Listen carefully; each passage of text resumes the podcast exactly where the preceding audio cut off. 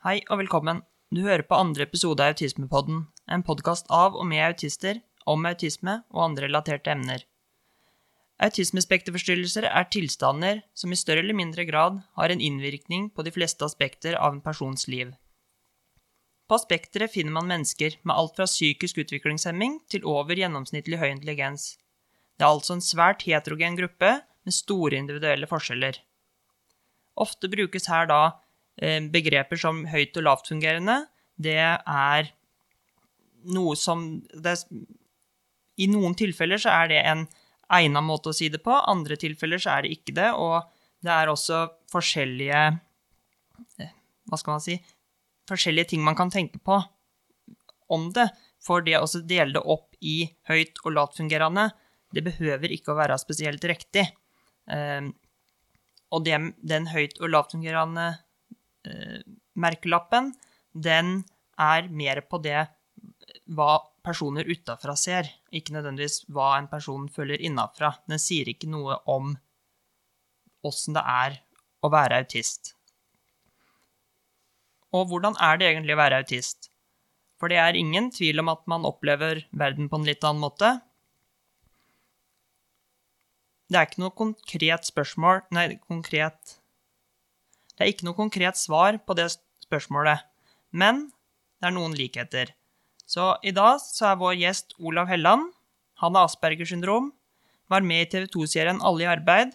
Sitter i styret i Foreningen Spekteret og jobber i dag som erfaringskonsulent for Oslo kommune. Og jeg er Sondre Bogen Straume. Velkommen, Olav. Takk, takk. Så hvem er du? Ja, det er jo et uh, stort spørsmål. Uh, i dag uh, er jeg her som meg selv, og som autist. Men jeg er jo vant til å ha på mange ulike hatter, eller masker, kan det jo også beskrives som. men vi er jo vi er vel summen av opplevelsene våre på mange måter.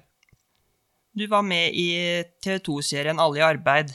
Har du lyst til å fortelle litt om om hvorfor du blei med i den serien, hvorfor du ville være med?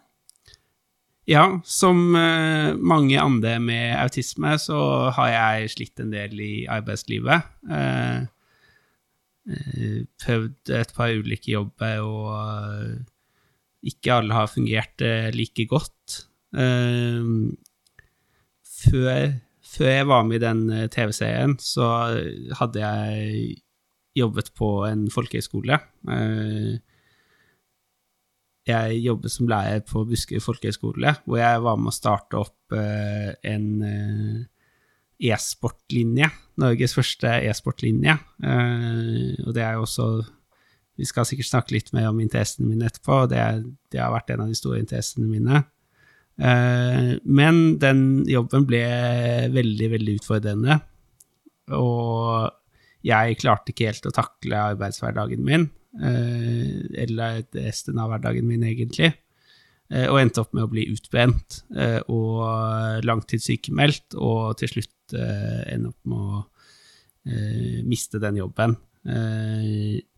Så det var egentlig der jeg var før jeg meldte meg på Alle i arbeid, og den Jeg så annonsen for den TV-serien kanskje et halvt år etter at jeg hadde sluttet på den forrige jobben min. Og da var jeg fortsatt eh, ganske deprimert og ganske langt nede, men jeg hadde fått hvilt meg nok til at jeg begynte å se på hva er mulighetene mine fremover. Eh, og så dukket da denne annonsen for, for den TV-serien opp, og tenkte at det er jo midt i blinken for meg. Det var en TV-serie for mennesker med det som kalles nevrobiologiske utviklingsforstyrrelser, eh, som eh, var på jakt etter arbeid, enten for å komme inn i arbeidslivet for første gang, eller komme tilbake til arbeidslivet. Og det var jo akkurat den situasjonen jeg var i. Eh, så da meldte jeg meg på, eh, og det er jeg veldig glad for at jeg gjorde. Den TV-serien ble spilt inn fram til våren 2017. og så ble den sendt i 2018. Eh, og handlet da om tolv mennesker, inkludert meg selv, eh, som prøvde å få seg jobb. Eh, og de fleste av oss eh, klarte å få en eller annen form for jobb, enten det var en praksisplass eller eh, midlertidig stilling eller noe sånt i løpet av den perioden. Eh, men langt fra alle klarte å beholde den jobben i etterkant. Eh, og derfor syns jeg det er litt synd at det ikke har vært noe sånn oppfølging av eh, oss som var med på den TV-serien, fordi det er jo Den vanskelige realiteten er jo at de fleste med diagnoser på autismespekteret eller andre utviklingsforstyrrelser, veldig mange sliter med arbeidslivet. Ja, det er jo, det er jo noe sånt som eh, halvparten av alle, alle, aspergere som er i kontakt med Nav, ender opp med en uføretrygd eh, i en eller annen gradert eh, Så ikke nødvendigvis 100 eh, Men hva, er, hva tenker du var de, største, de største årsakene til at du ikke klarte å, å fortsette som lærer? Det er jo en veldig intens eh, jobb, eh, og det er jo sånn at vi eh, med autisme vi sliter ofte med en del sosiale ting. Og det er jo mange sosiale ting man må forholde seg til når man er lærer. Så det var utfordrende, men jeg tror ikke det i seg selv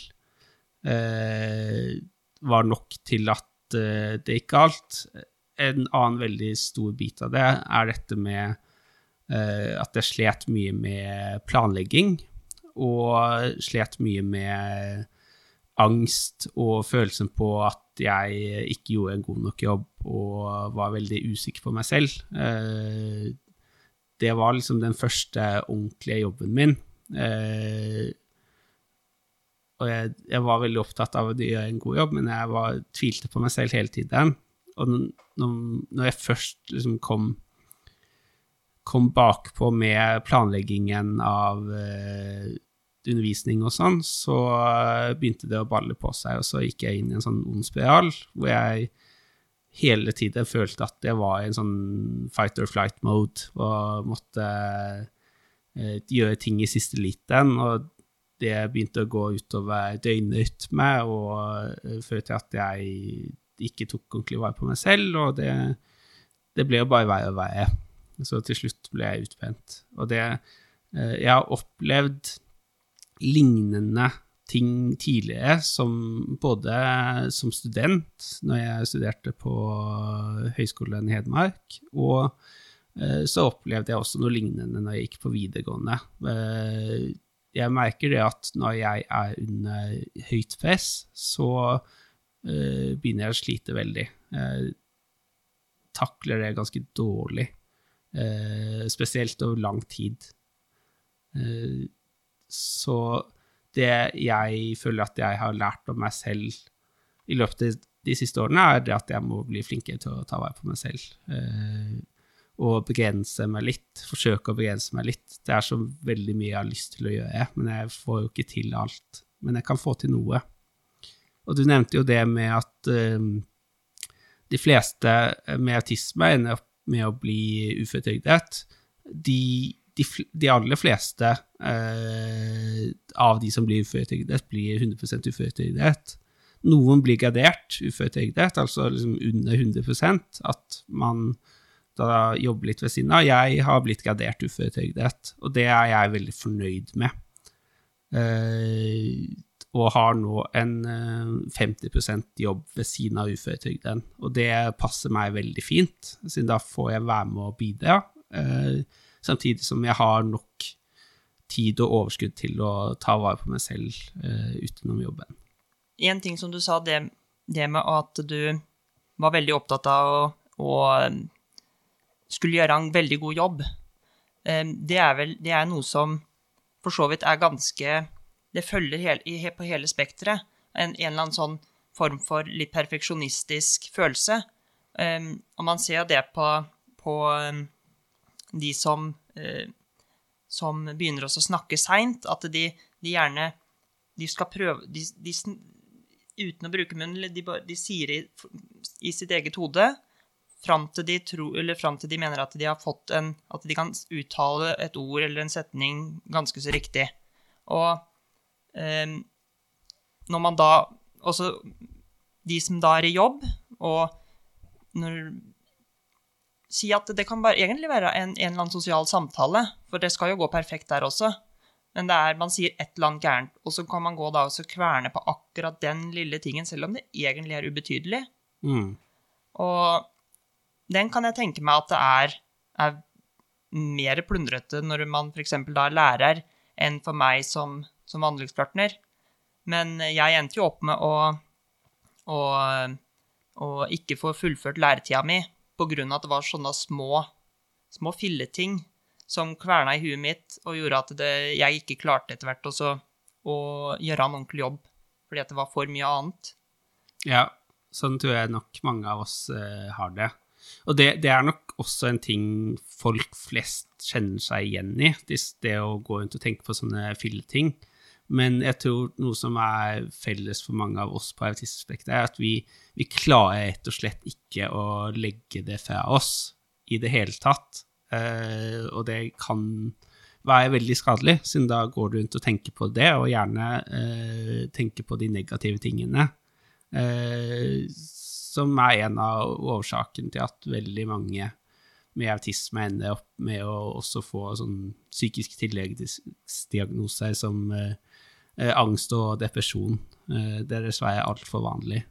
Jeg, jeg, husker ikke hvor jeg leste det, men det var en, det var en ordentlig, ordentlig artikkel eh, i ei avis, det er en, del, en, stund siden jeg leste det, hvor da eh, den som skrev den artikkelen, mente på at eh, for om lag 20 år siden så var eh, aspergerne en mer ettertrakta eh, arbeidskraft enn det de er i dag, pga. at man har den derre perfeksjonistiske eh, Altså, ting skal være ordentlig. Mm. Og vi er gjerne sånn at kan, vi bruker lang tid på å gjøre en ting, men den blir gjort ordentlig. Andre så Normalt så er det man gjør det, og det går ganske fort. Jeg, jeg skjønner ikke åssen folk kan klare å gjøre ting så fort som de gjør, men de er så. Og det er jo uh, en ting uh, veldig mange forbinder med autisme og Aspergers syndrom, er sånne datanerder og det er jo noe sannhet i det. Det er mange av oss som er opptatt av data. Eh, absolutt ikke alle. Eh, men så er det også eh, mange som tenker at ja, du har Aspergers syndrom, da kan du sikkert bare jobbe som en dataperson, da, som programmerer eller systemutvikler eller noe sånt. Og det er det ikke alle som kan. Og, og det var nok også noe som var lettere før. Eh, jeg har også jobbet som i eh, IT-bransjen. Eh, jeg jobbet et halvt år som systemutvikler. Det var den jobben jeg fikk gjennom Ali Arbeid-programmet. Og databransjen har nok endret seg veldig de siste årene positivt på mange måter, men akkurat for oss med autisme så tror jeg det har blitt vanskeligere å forholde seg til alle disse nye metodene som eh, eh, går mye mer på liksom, samarbeid og gruppearbeid eh, og agile og scrum og sånn. Folk som vet hva det er, vet hva det er. Det er sånn man jobber i IT-bransjen nå, eh, er veldig annerledes enn for 20 år siden.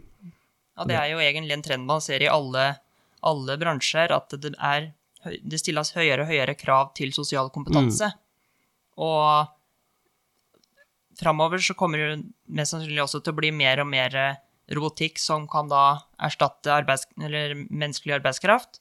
Og da vil det jo bli serviceyrker i hovedsak som er det som man trenger flere i. Ja. Og det er jo også et problem for den utviklingen. kan også være et problem for aspergere eller autister generelt. Det å måtte ha mye kundebehandling og, og, og sånt noe. Det er noen som er veldig gode på det, andre Jeg er nok et sted midt på treet. Men den utviklinga der også vil nok gjøre at det blir, kanskje i framtida blir vanskeligere, enda vanskeligere, å få, få, en stor del av de med autisme til å være i jobb, da. I hvert fall i, i, et helt uh, normalt arbeidsliv. Ja, uh, og jeg tror at det er uh, mange der ute som har gode forutsetninger for å klare seg i arbeidslivet, så lenge de får litt tilrettelegging og eh, ikke møter alle de utfordringene som de møter i dag. Eh, som du nevnte i introen, så er, er det mye glupe mennesker på autismespekteret. Mange som har mye å bidra med, men eh, fryses ut fra arbeidslivet fordi de er dårlige på akkurat disse sosiale tingene.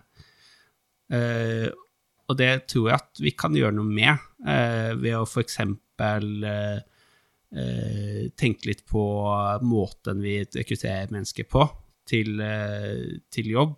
Eh, det er jo vanligvis gjennom enten gjennom eh, networking og connections og sånn, eller gjennom et jobbintervju.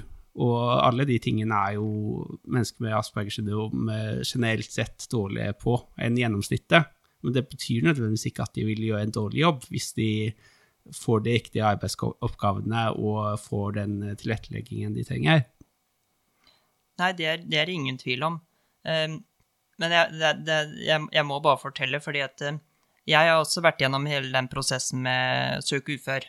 Jeg ble, fikk innvilga 100% ufør fra 1.12. i 2019. Um, og en del før det, jeg husker ikke akkurat når, men det var da en eller annen gang mellom 2018 og 2019 så skulle jeg egentlig være med i noe som heter eh, Asperger-prosjektet på Phoenix i Vestfold. Ja. Um, og da, da, skulle jeg egentlig ha møtt opp der på mandagen, og så ringte de meg på onsdagen og sier at uh, du skulle egentlig ha møtt opp her på mandagen, så du må møte opp her i morgen. Og det er da et spesialisert tiltak mellom Nav, samarbeid mellom Nav og Phoenix, for å få Asperger i jobb. Og når ikke engang da de som leder det tiltaket, eh, har nok peiling på autisme til å vite at det er, det er vanskelig nok å få beskjed dagen før, men får du beskjed da to dager eller tre dager etterpå om at du skulle vært der på mandagen, da blir det jo veldig vanskelig. Ja, det er det. Og det er fryktelig mye uforutsigbarhet i samfunnet generelt, men spesielt i arbeidslivet. Uh, og jeg For ikke så lenge siden så, så jeg uh, en plakat på bussen. Uh, en av disse reklameplakatene til finn.no, som har ganske mange morsomme plakater med ulik statistikk og sånn fra året som har gått. Og på den plakaten jeg så, så sto det at det mest eh, brukte nøkkelordet i stillingsannonser på finn.no, det var fleksibel. Eh, bedrifter vil gjerne ha mest mulig fleksible arbeidstakere. Og så er vi eh, på Autismespekteret kanskje sett for å være litt innfle... Ja, litt for rigide. Litt for rigide. Eh, så vi trenger egentlig mer fleksible arbeidsgivere. Og er, jeg, jeg, er helt enig i det du sier om at det er litt sjokkerende hvor ofte man møter på mennesker som eh, jobber rettet mot eh, mennesker med autisme, mennesker med Aspergers syndrom, som ikke tar høyde for eh, de store utfordringene vi har når ting blir uforutsigbare. Jeg tror at for å inkludere flere mennesker med autisme og Aspergers syndrom i arbeidslivet, så er det veldig viktig å faktisk eh, ta oss med på laget. Eh, og bruke den kompetansen og kunnskapen vi sitter på selv, om hvordan det er å være oss, og hvilke utfordringer vi har. Eh, og da eh, bruke oss som eh, konsulenter og rådgivere. Eh, sånn som eh, jeg har fått sjansen til å jobbe sammen i Oslo kommune. Kanskje du kan si litt om hva er det du Åssen er det det fungerer?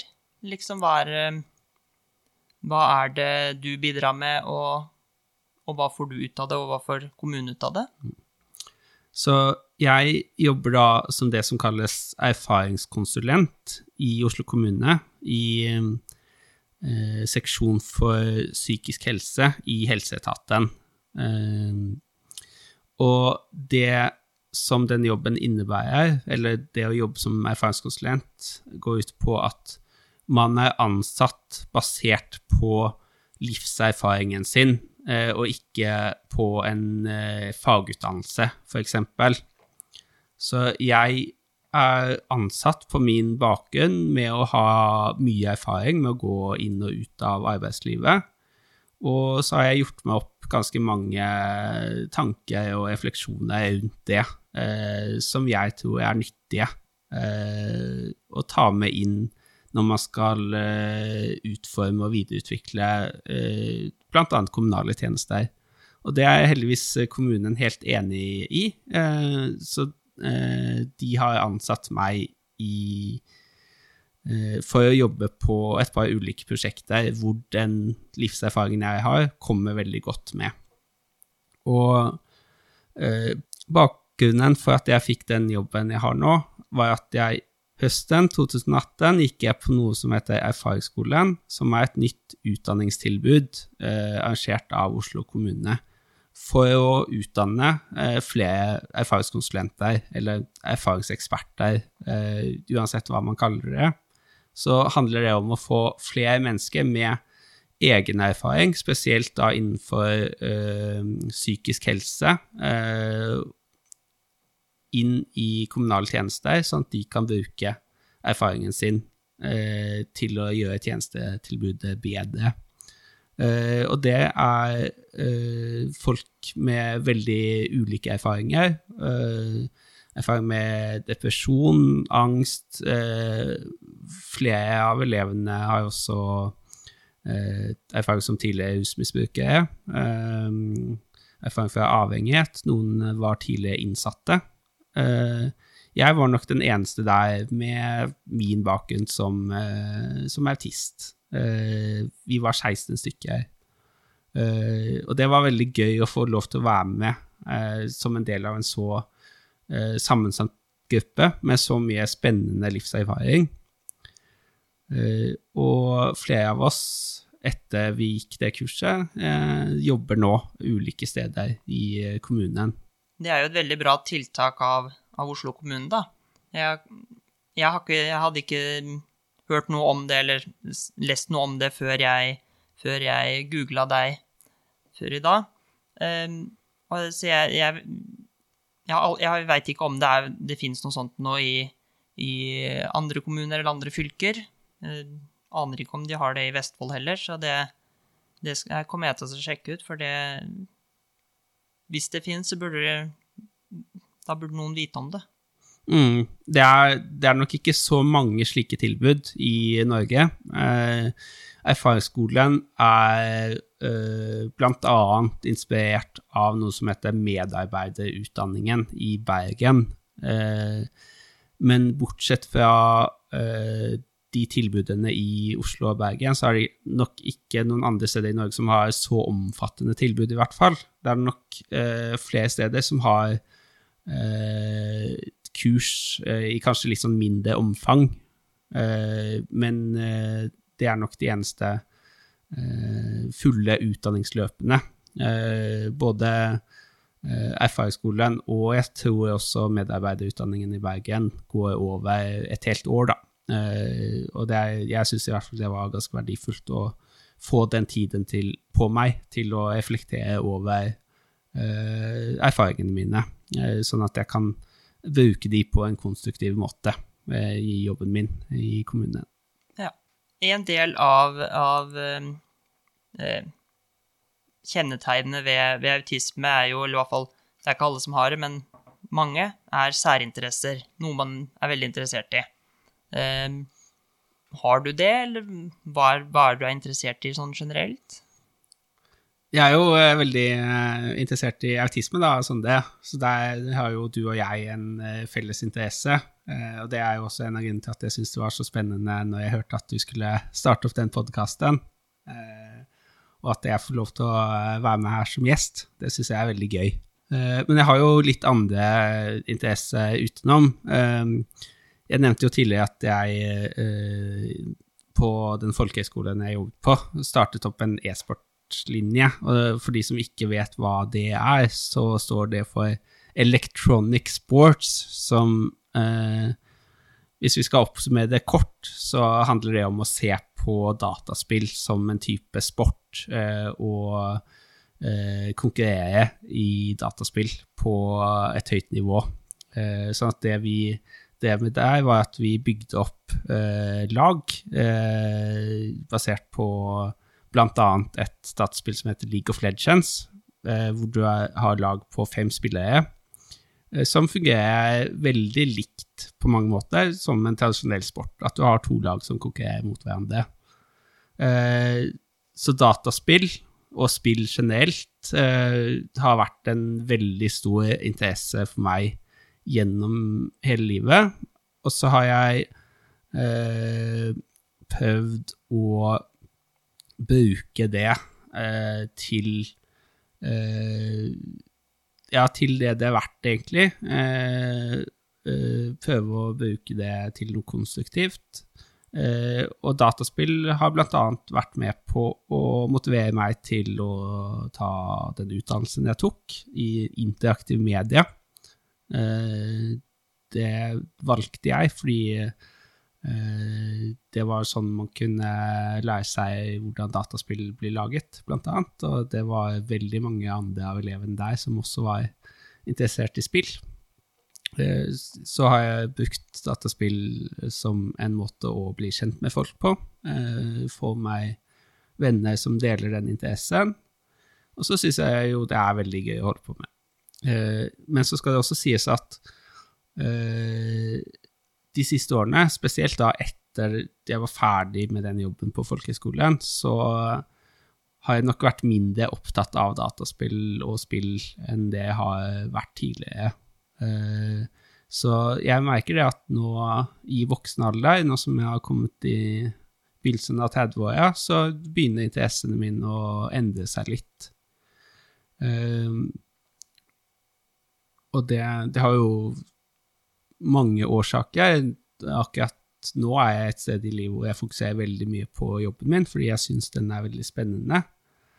Eh, og så har jeg også fått meg noen andre interesser, eller noen av de andre interessene mine har vokst eh, gjennom årene. da. Eh, F.eks. foto, eh, som jeg er veldig glad i.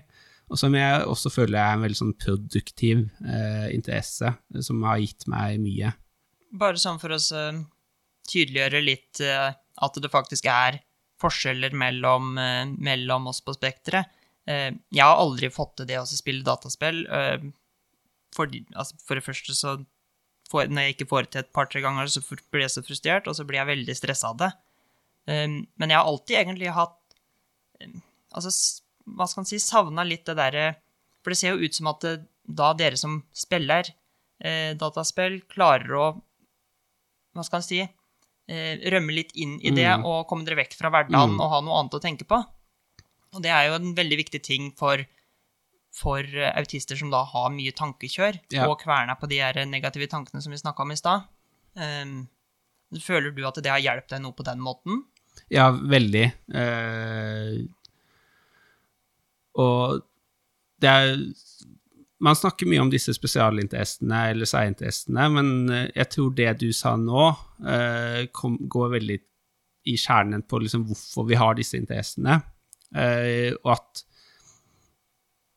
jeg tror at mange mennesker på autismespekteret sliter en del eh, med sånne hverdagslige ting.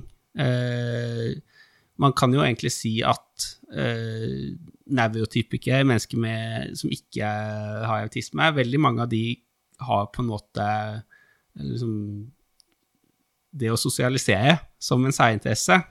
Eh, det er liksom noe de liker å holde på med. Mens for oss som kanskje syns det er litt vanskelig og litt krevende Det er jo sånn at mange med autisme har veldig lyst til å være sosiale, men syns det er ganske vanskelig. Eh, fordi man må eh, tenke så mye på det. Eh, at vi tar det kanskje mindre intuitivt. Og da er det veldig lett å heller holde på med en ting som man trives med å ta intuitivt og slippe å tenke så mye rundt. Og for meg og for mange andre så har det vært dataspill. Jeg syns den følelsen av å sitte og spille et spill og bare eh, slippe å tenke på andre ting og liksom glemme helt uh, omgivelsene mine. Jeg syns det er veldig deilig. Jeg syns det er fint å ha den muligheten til å komme meg liksom bort fra verden, rett og slett. Og det er få andre ting som gir meg den uh, følelsen uh, enn dataspill. Det er jo et sånn psykologisk begrep som kalles flyt, eller flow, som er det når du holder på med en aktivitet som du føler at du mestrer, men fortsatt er spennende nok til å holde deg engasjert. Da skjer det noe med hjernen din. og for mange av oss på Autismespekteret, så er nok disse særinteressene det eneste stedet vi føler det. At vi føler det nok i mindre grad enn mange andre eh, i, i, virkeligheten, i samfunnet generelt. Og det er, vel, det er spesielt mange som, av de som ikke har noe, noe mer kjennskap til autisme, som kanskje bestemor og bestefar, da, til en som har autisme, som ikke da har den daglige kontakten, eh, som er kritiske til det at det, man spiller mye spill og sånne ting. Eh, og jeg mener jo at det Altså, man kan, man kan ikke gjøre det hele tida. Man må jo gjøre andre ting. Spise, være litt fysisk aktivitet, ha en jobb hvis man klarer det. Og være sosial, for den saks skyld. Um, men det å ha muligheten til å rømme vekk et sted, det er også utrolig viktig. Um, jeg har fått spørsmålet flere ganger om jeg leser bøker, noe jeg gjør, men jeg leser bare faglitteratur. Og jeg får mer eller mindre hver gang høre at du kan jo ikke bare lese faglitteratur. Men for meg så er, det å lese skjønnlitteratur, da må jeg bruke huet kjempemye. Mm. For det går ikke naturlig for meg. Men faglitteratur, da kan jeg lese det mer bokstavelig. Da kan jeg bare ta til meg fakta. Um, så når jeg leser faglitteratur, det er der jeg klarer å rømme litt vekk fra hverdagen. Ja. Um, så det er jo det, Bare mellom oss to så er det jo forholdsvis store forskjeller på det med Jeg er helt elendig på dataspill og blir stressa og frustrert av det, mens du får noe ut av det. Mm. Og, og, sånn er det også generelt på spekteret. Det er veldig store forskjeller. Noen kan like å, å altså er helt inn i det å ta bilder. Noen er kjempegode på å skrive skjønnlitteratur, sånn som eh, eh Gro Gro Dale. Gro Dale, ja. Noen ganger Navn står veldig stille for meg, det er jeg veldig dårlig på. Så lenge ikke det er latinske plantenavn. De, de sitter av en eller annen merkelig grunn. Det er veldig rart. Men så, igjen, da, det er veldig store individuelle forskjeller, det er vel kanskje noe av det Noe av det viktigste man egentlig kan ta med seg fra, fra det her. At det, har du sett én med autisme, mm så har du sett én med autisme. Og vi eh, Vi sliter ofte med mye av de samme tingene, men det er jo det som er hovedlikheten. Og så finner vi veldig ulike mestringsstrategier på hvordan vi skal klare å håndtere de utfordringene. F.eks. for eksempel dette med eh, snakking. Eh, noen med autisme snakker veldig lite, mens andre snakker veldig mye. Eh, men det som er felles, er det at det ofte er vanskelig for oss å finne, finne den balansen. Eh, at det er, det er, nok mindre intuitivt for oss å vite når vi skal snakke, og når vi ikke skal snakke. Eller hva vi skal snakke om. Mm, Småprat er jo vanskelig. Det er Småprat er kjempevanskelig. Det, det er det mange som sliter med. Og det er jo en av grunnene til at jeg trives veldig godt med disse mer formelle eh, samtaleformene, sånn som nå, for eksempel, hvor vi to sitter og har en sånn relativt strukturert samtale om et tema som er avtalt på forhånd. Det er mye enklere å forholde seg til. Det er stort sett den måten jeg sosialiserer meg på, det er å delta på møter. Så det er ikke nødvendigvis det at jeg syns det er ekstremt morsomt å være med på alt mulig av møter, det er jo ikke, men det er for meg den enkleste og minst stressende måten å sosialisere seg på. For det er noen, det er noen regler noe som, mm. som, er litt mer Det er ikke bare Altså, kunne, du kunne egentlig ha skrevet ned de reglene på et papir, og de, de ville blitt fulgt. Ja. Hvem som skal snakke når, og hva man egentlig snakker om. Det, det kan nok være en, en, eh, noe som egentlig flere eh, opplever at kan være enklere. Ja, det har jeg inntrykk av òg. At vi oppsøker miljøet eh, basert på interessenivået, men at det også er kanskje enklere å forholde eh, seg til eh, mennesker i en klubb eller en forening enn de vi gikk på skole med, for eksempel. Eh, for der De hadde vi jo egentlig ikke noe annet til felles med enn at vi gikk på skole med de. Eh, at vi ble satt i en klasse basert på ganske sånn tilfeldige eh, kriterier, hvem som eh, gikk i hvilken klasse. Så er det jo også ma mange, mange som eh, på skolen, mange med autisme på skolen som på en eller annen måte blir mobba, eller som ikke føler at de har noe samhold der. Ja. Eh, og det er mange som også har spesialundervisning én til én, og de har hele tida blitt tatt ut av undervisningen. og det tydeliggjør bare at det er, noe, det er noe annerledes med deg, det er noe gærent med deg, et eller annet sånt, og det unger finner på de, de grusomste ting å si. Um, og det også er nok kanskje Jeg vet ikke, åssen er du med jevnaldrende? Eller kanskje enklere nå, men åssen var du med jevnaldrende? Jeg øh, øh, Jeg var veldig dårlig med jevnaldrende. Øh, spesielt øh, når jeg gikk på barneskolen, eksempel. Eh, jeg hadde veldig lite kontakt med liksom, klassekameratene mine utenom skolen, eksempel. Eh, og så var jeg egentlig ikke interessert i de samme tingene. Eh, så jeg brukte ganske lang tid på å finne meg eh, en eh, liksom, ordentlig fritidsinteresse. Og heldigvis så hjalp moren min meg mye med det, da. Hun kjørte meg rundt på ulike ting og lot meg prøve ulike aktiviteter. Jeg husker jeg var, prøvde svømming og speideren og orientering og fotballklubb og liksom Det var ingen av de tingene som eh, jeg trivdes kjempegodt med. Den første liksom, ordentlige fritidsaktiviteten jeg fant eh, som jeg skjønte at ah, dette liker jeg, dette er jeg god på, det var sjakklubben. Eh, og så, noen år, et, noen år etterpå, så oppdaget jeg en sånn brettspillklubb. Eh, og den syntes jeg var helt fantastisk, fordi da skjønte jeg at det fins Det er jo ikke bare ett spennende spill der ute, det fins eh, tusenvis av spennende spill der ute. Eh, men en annen ting som var veldig gøy med den brettspillklubben, var at jeg var kanskje 12-13 år gammel. Og så var stort sett alle de andre på den klubben det var enten studenter eller voksne. Eh, og så husker jeg veldig godt første gang jeg kom inn dit, eh, at eh, alle de voksne folkene som var der, de tok meg veldig godt imot, og de syntes det var kjempegøy at en 13-åring ville komme og bli med og spille med de. Og det trivdes jeg godt med. Jeg syntes det var mye enklere å forholde meg til de enn det var å forholde meg til klassekameratene mine, f.eks. Det er nok i hvert fall én ting som vi er veldig like på. De, mens jeg gikk på barneskolen, så var de to ordentlig gode vennene jeg hadde, var eh, 75 og eh, noen 80. og det var da naboene på hver side i rekkehuset. Og det var de som jeg var sammen med etter skoletid. Og eh, med han ene så var det mest at vi satt og snakka, og han andre så mekka vi bi på bilen og gjorde sånne ting. Så jeg har jo lært mye av det, og hadde mye mer utbytte av det, og følte ikke da noe angst i den situasjonen.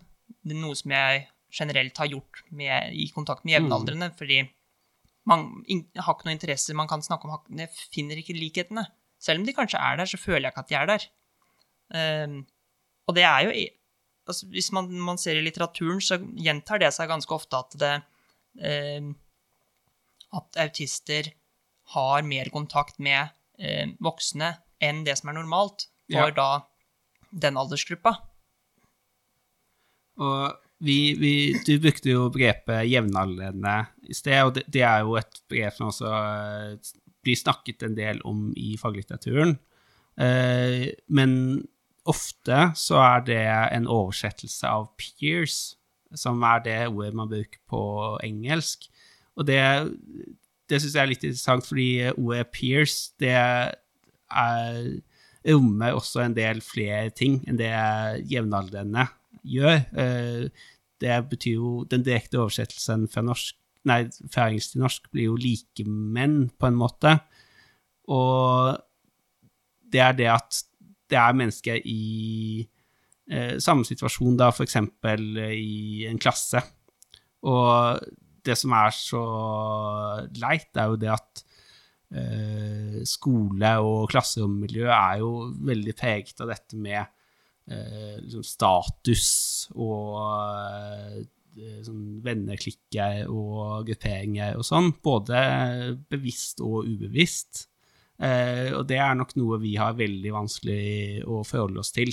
Og da er det kanskje lettere å oppsøke noen utenfor skolen som man har et mer sånn Man kan kalle det et mer avklart forhold til, da.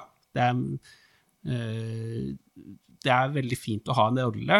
Og den rollen kan jo f.eks. være at ja, jeg er et barn, og dette er en uh, trygg voksen person som jeg trives uh, å ha kontakt med.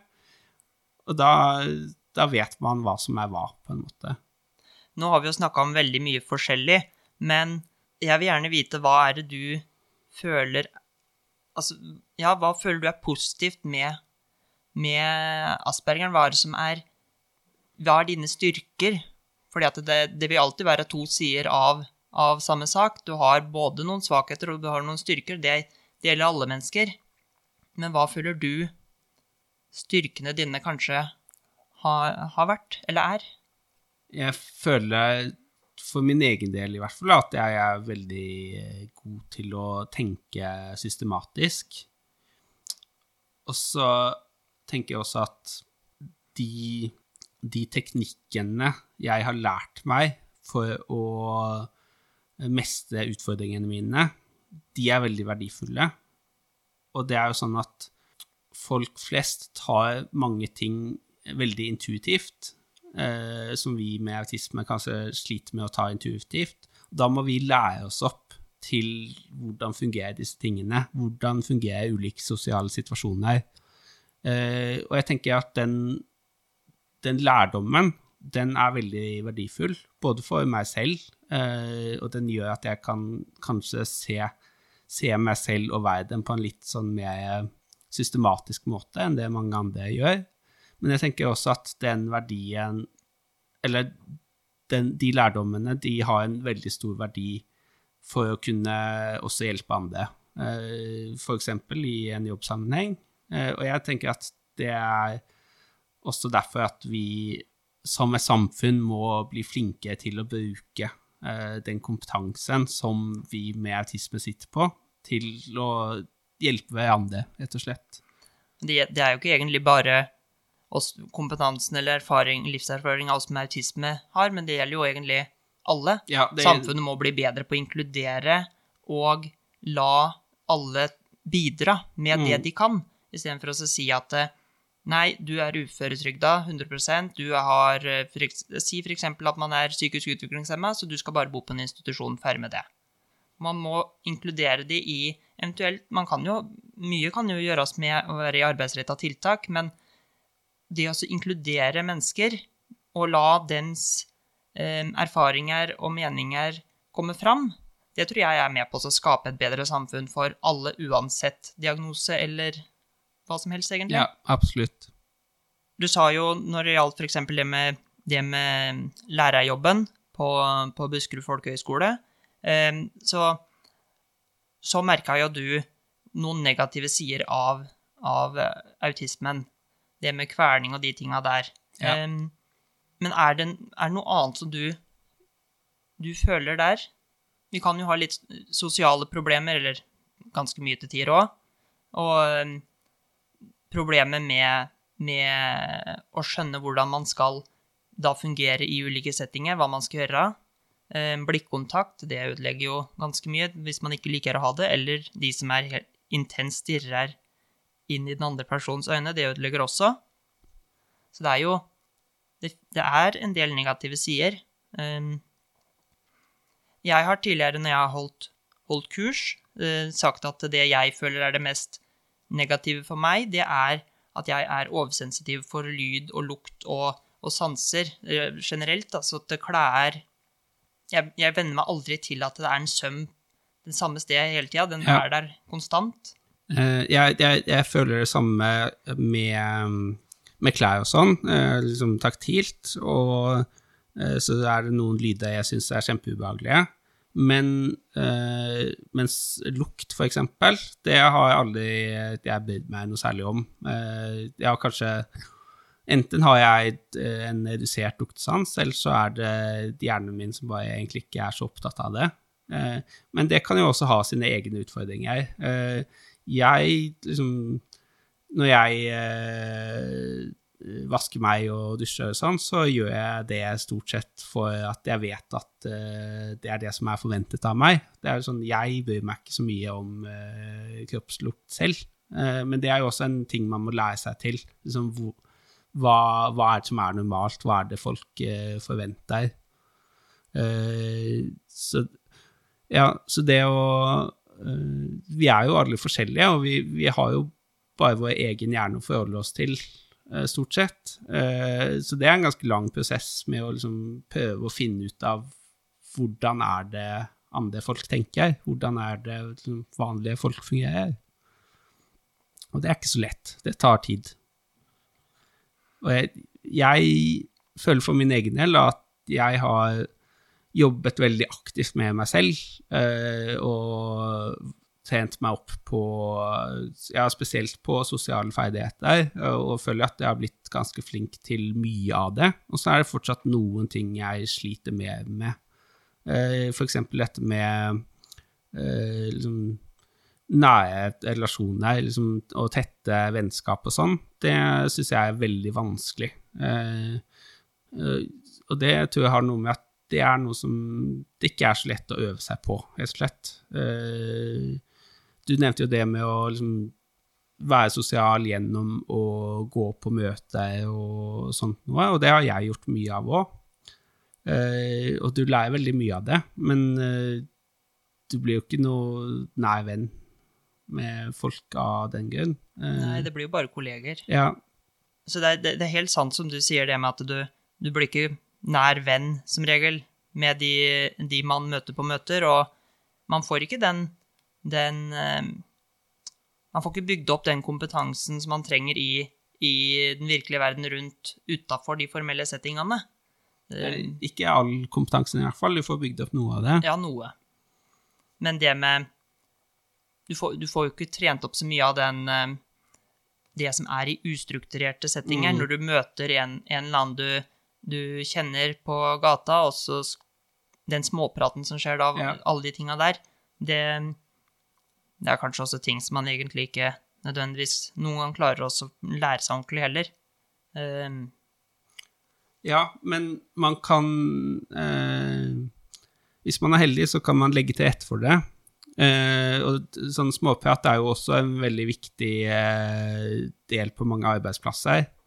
Og det, er jo ofte sånn at hvis du har noe å si til en kollega, så sier du det kanskje i lunsjen, eller sier ja, kan vi ta, ta en fem minutter prat eh, etter lunsj, eller noe sånt. Eh, og sånn er vanskelig for meg å forholde meg til. Men siden jeg er liksom åpen om utfordringene mine, og eh, har eh, sagt fra ordentlig om de til kollegaene mine, og er så heldig at jeg har veldig forståelsesfulle kollegaer som jeg jobber med, så legger de til rette for at eh, vi kan kommunisere på en litt annen måte. Sånn at jeg har faste oppfølgingsmøter med både mine nærmeste kollegaer og sjefen min. Eh, eh, Ca. en gang annenhver uke. Eh, som er en arena hvor jeg kan ta opp ting jeg syns er vanskelige. Eh, fordi jeg syns det er mye lettere å ta opp de på et fast møte, eh, som jeg er mentalt forberedt til, enn å si fra eh, på en mer uformell måte. Sånn at uh, vi må bare uh, kompensere for utfordringene vi har, med, med gode løsninger, rett og slett. Altså, med tanke på språk, for det er jo et av de, de eh, Det er et av kjerneområdene, det òg. Åssen er du med da implisitte beskjeder, billedlige ord og setninger, forskjellig sånn som ikke er bokstavelig? Eh, jeg tror at jeg har blitt ganske god på det, egentlig, fordi jeg har øvd meg mye. Eh, eh, og så har jeg en tendens til å analysere tingene folk sier til meg. Ofte så overanalyserer jeg de. Rett og slett for at jeg vil være sikker på at jeg plukker opp det de mener. Sånn at istedenfor å Ja, hvis noen bruker en metafor til meg, da, så eh, tenker jeg ofte gjennom det. Eh, og prøver å gjøre en sånn mental sjekk på Brukte de en metafor nå? Forsto jeg hva de sa? Og så prøver jeg å bli flinke til å liksom, faktisk spørre om oppklaring hvis det er noe som er utydelig. Men det må jo være utrolig slitsomt å gå rundt og så skulle tenke sånn når man snakker med folk. Så ja. langt jeg veit, så er ikke det noe normal, normale nevrotypikere gjør. Nei, det tror ikke jeg heller. Og det er en av grunnene til at jeg eh, bare klarer å jobbe 50% for eksempel. Jeg, eh, selv om jeg har redusert arbeidstid, så er jeg fortsatt helt utslitt etter jeg kommer hjem fra jobben. Eh, blant annet av det, at jeg må gå rundt og tenke og analysere hele tiden for å klare å eh, fungere i sosiale sammenhenger. Eh, og det er eh, Det er krevende, og det er litt slitsomt. Men for meg så føler jeg at det også jeg, jeg er villig til å legge inn det arbeidet fordi jeg syns jobben min er så meningsfull, og at eh, eh de sosiale interaksjonene jeg har der, er faktisk nødvendige. Eh, og at jeg eh, For at jeg kan bruke kompetansen min på en god måte og legge til rette for at Oslo kommune får et bedre tjenestetilbud for mennesker med bl.a. autisme, så er jeg nødt til å faktisk eh, ta de utfordringene. Eh, og så eh, er jeg så heldig at jeg, jeg har fått denne graderte uføretrygden, som gjør at jeg slipper å jobbe 100 fordi når jeg gjør det, eller når jeg jobber opp mot 100 så blir jeg helt utslitt. Fordi eh, på grunn av de tingene. På grunn av at jeg går rundt og tenker, eh, tenker og overanalyserer hele tiden. Så det handler jo om å finne balansen, og for meg har det tatt ganske lang tid. Men jeg føler at ting begynner å falle på plass nå, da.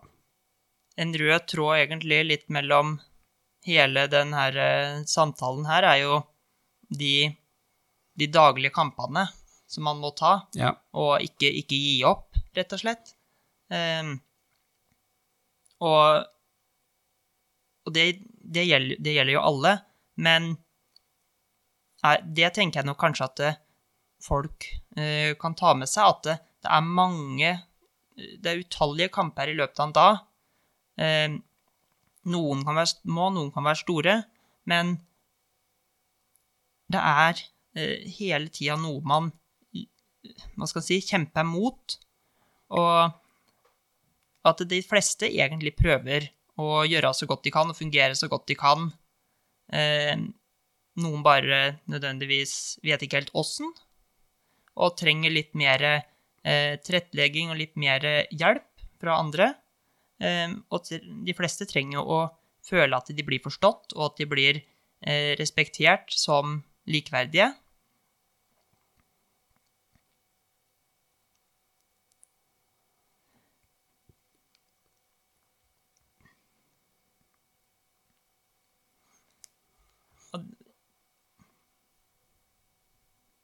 Og det ser man jo egentlig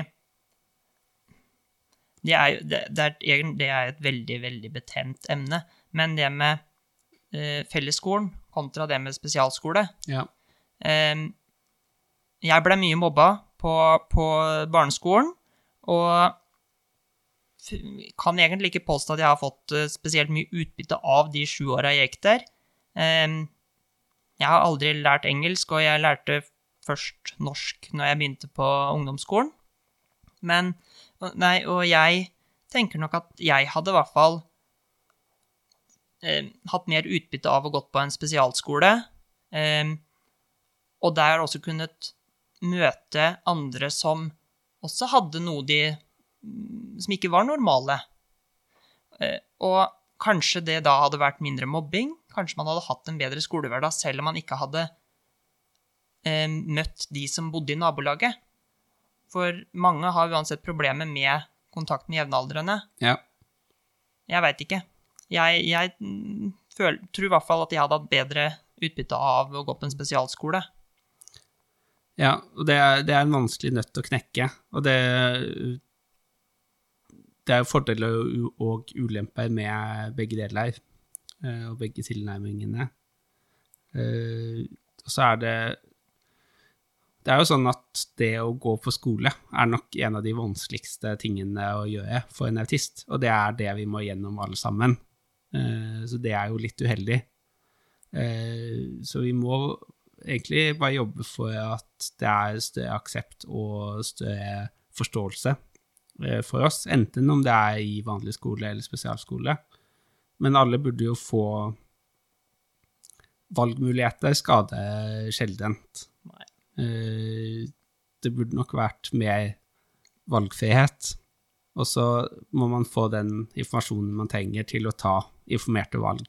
Både, både som elev og som eh, pårørende eller foresatte.